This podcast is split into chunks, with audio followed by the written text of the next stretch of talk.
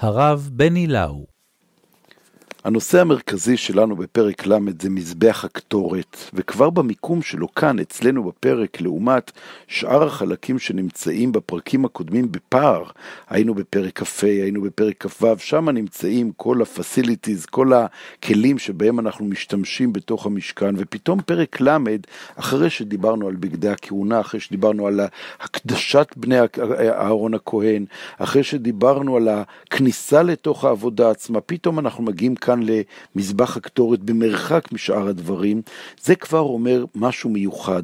אנחנו לא נמצאים בעוד אחד מן הכלים הרגילים, אנחנו נמצאים בכלי אחר. אחד מרבני צפון אפריקה שעלה לארץ לפני 300 שנה, רבי יעקב חג'יז, הוא כתב פירוש וכתב את הרעיון שלו, למה הקטורת כל כך רחוקה משאר הדברים. הוא אומר, רבים נתקשו, למה פרשת מזבח הקטורת לא נכתבה עם כל הכלים? הוא עונה, הוא עונה ככה, הקדוש ברוך הוא בחמלתו האיר עיניי, ונתן לי מתנת חינם וחנני בזה. כאילו אומר, הקדוש ברוך הוא האיר לי את התשובה. שכוונת תורתנו הקדושה לרמוז לנו דין אחד, שמזבח הקטורת אינו כמזבח העולה, שאם אין מזבח, אין מקריבים קורבן. אומר רבי יעקב חג'יז, התפקוד של מזבח הקטורת הוא מהותית שונה מהמזבח הרגיל של המשכן והמקדש. המזבח הרגיל זה לא רהיט, הוא לא אחד מהרהיטים, אלא הוא חלק ממעשה הקורבן. אם אין את המזבח, אי אפשר לעשות קורבן, אי אפשר, יש חלק אינטגרלי של הקורבן, זה המזבח. אבל הקטורת זה לא ככה. הקטורת עומדת בפני עצמה, אם יש או אין מזבח, הקטורת לא תיפגע. לא מייחסים את המעשה של הקטורת אל מזבח הקטורת. מהי הקטורת הזאת שבמשכן? לכאורה עבודה שגרתית. פעמיים ביום דיברנו בפרק הקודם על את הכבש אחד תעשה בבוקר, את הכבש אחד תעשה בין הערביים, כאילו יש לנו קורבן תמיד, וככה יש לנו גם קטורת תמיד.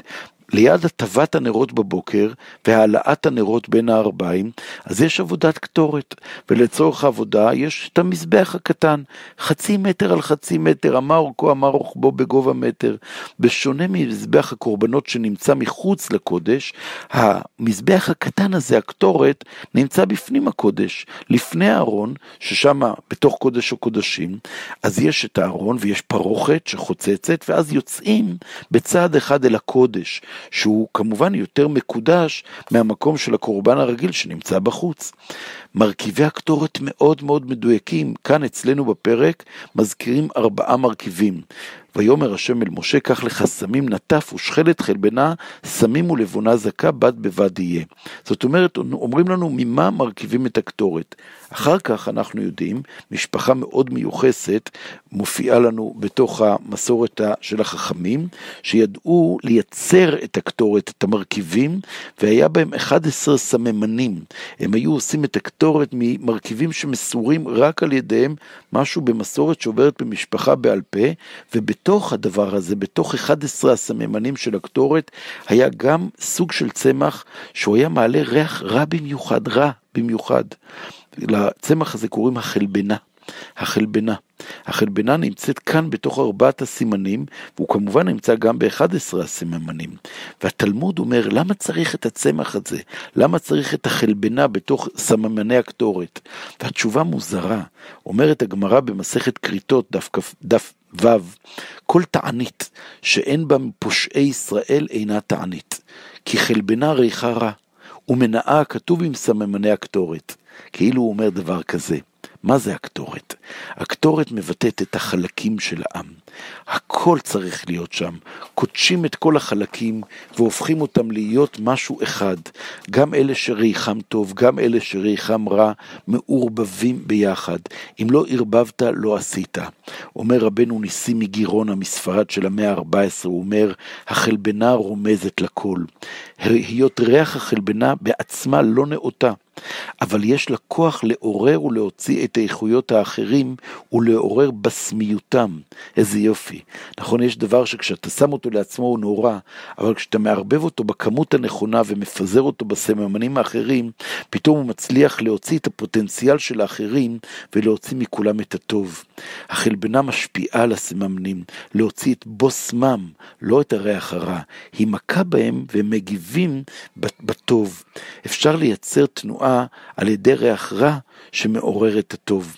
הכנת הקטורת היא נהדרת, שוחקים את מרכיבי הקטורת לתערובת אחידה, ורק כשהקטורת היא דקה ביותר, שאי אפשר לזהות בין המרכיבים השונים, אז מותר להעלות אותה לפני השם, זוהי הקטורת שפועלת פועלת ממש כאיזושהי הזכרה להשם שאנחנו אנחנו העם שלו ואנחנו מבקשים את השגחתו. הקטורת בלשון הארמית אומרים בעלי הרמז, הטית של הקטורת היא מתחלפת לשין של קשר, היא קושרת, היא מייצרת קשר של אגודה בין אדם לאדם וקשר שבין אדם לאלוהים. ועכשיו נחזור אל המיקום של הקורבן הזה, של הקורבנות הרגילים לעומת הקטורת. הקורבנות תמידים כסדרה, מוספים כהלכתם, תמיד מבטאים את הרצון של האדם להתקרב אל השם, תמיד הוא בחוץ ורוצה פנימה, המזבח חיצון ביחס לקודש. ככה עובדים את השם, מבחוץ כלפי פנים. התודעה האנושית ממקמת אותנו, את האדם, תמיד בחוץ. יש פער בין קודש לחול.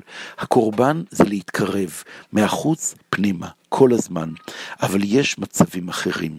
יש מצבים שבהם אדם מבקש להתנפל פנימה, הוא רוצה להיכנס לפני ולפנים, הוא רוצה לקחת משהו לא קונבנציונלי, לא שגרתי, ודרכו לעבוד. הדבר הזה הוא הקטורת. הקטורת זה הנשק הלא קונבנציונלי. זה לקחת את החומר שמספר אותנו. זה 11 הסממנים שהם אנחנו עם כל מה שיש בנו, וכשקודשים אותם הדק היטב היטב, הופכים אותם למשהו שנכנסים איתו לפני ולפנים, הוא לא חיצון, הוא פנימי, הוא מייצר קשר בין אדם לאדם ובין אדם להשם. וכשמעלים את הקטורת, כאילו מבקשים דרך הריח, לא דרך שום דבר אחר. דרך הריח מבקשים לייצר זיכרון, לעורר את הרחמים ולייצר את הקשר האינטימי שבין עם לבין אלוהים.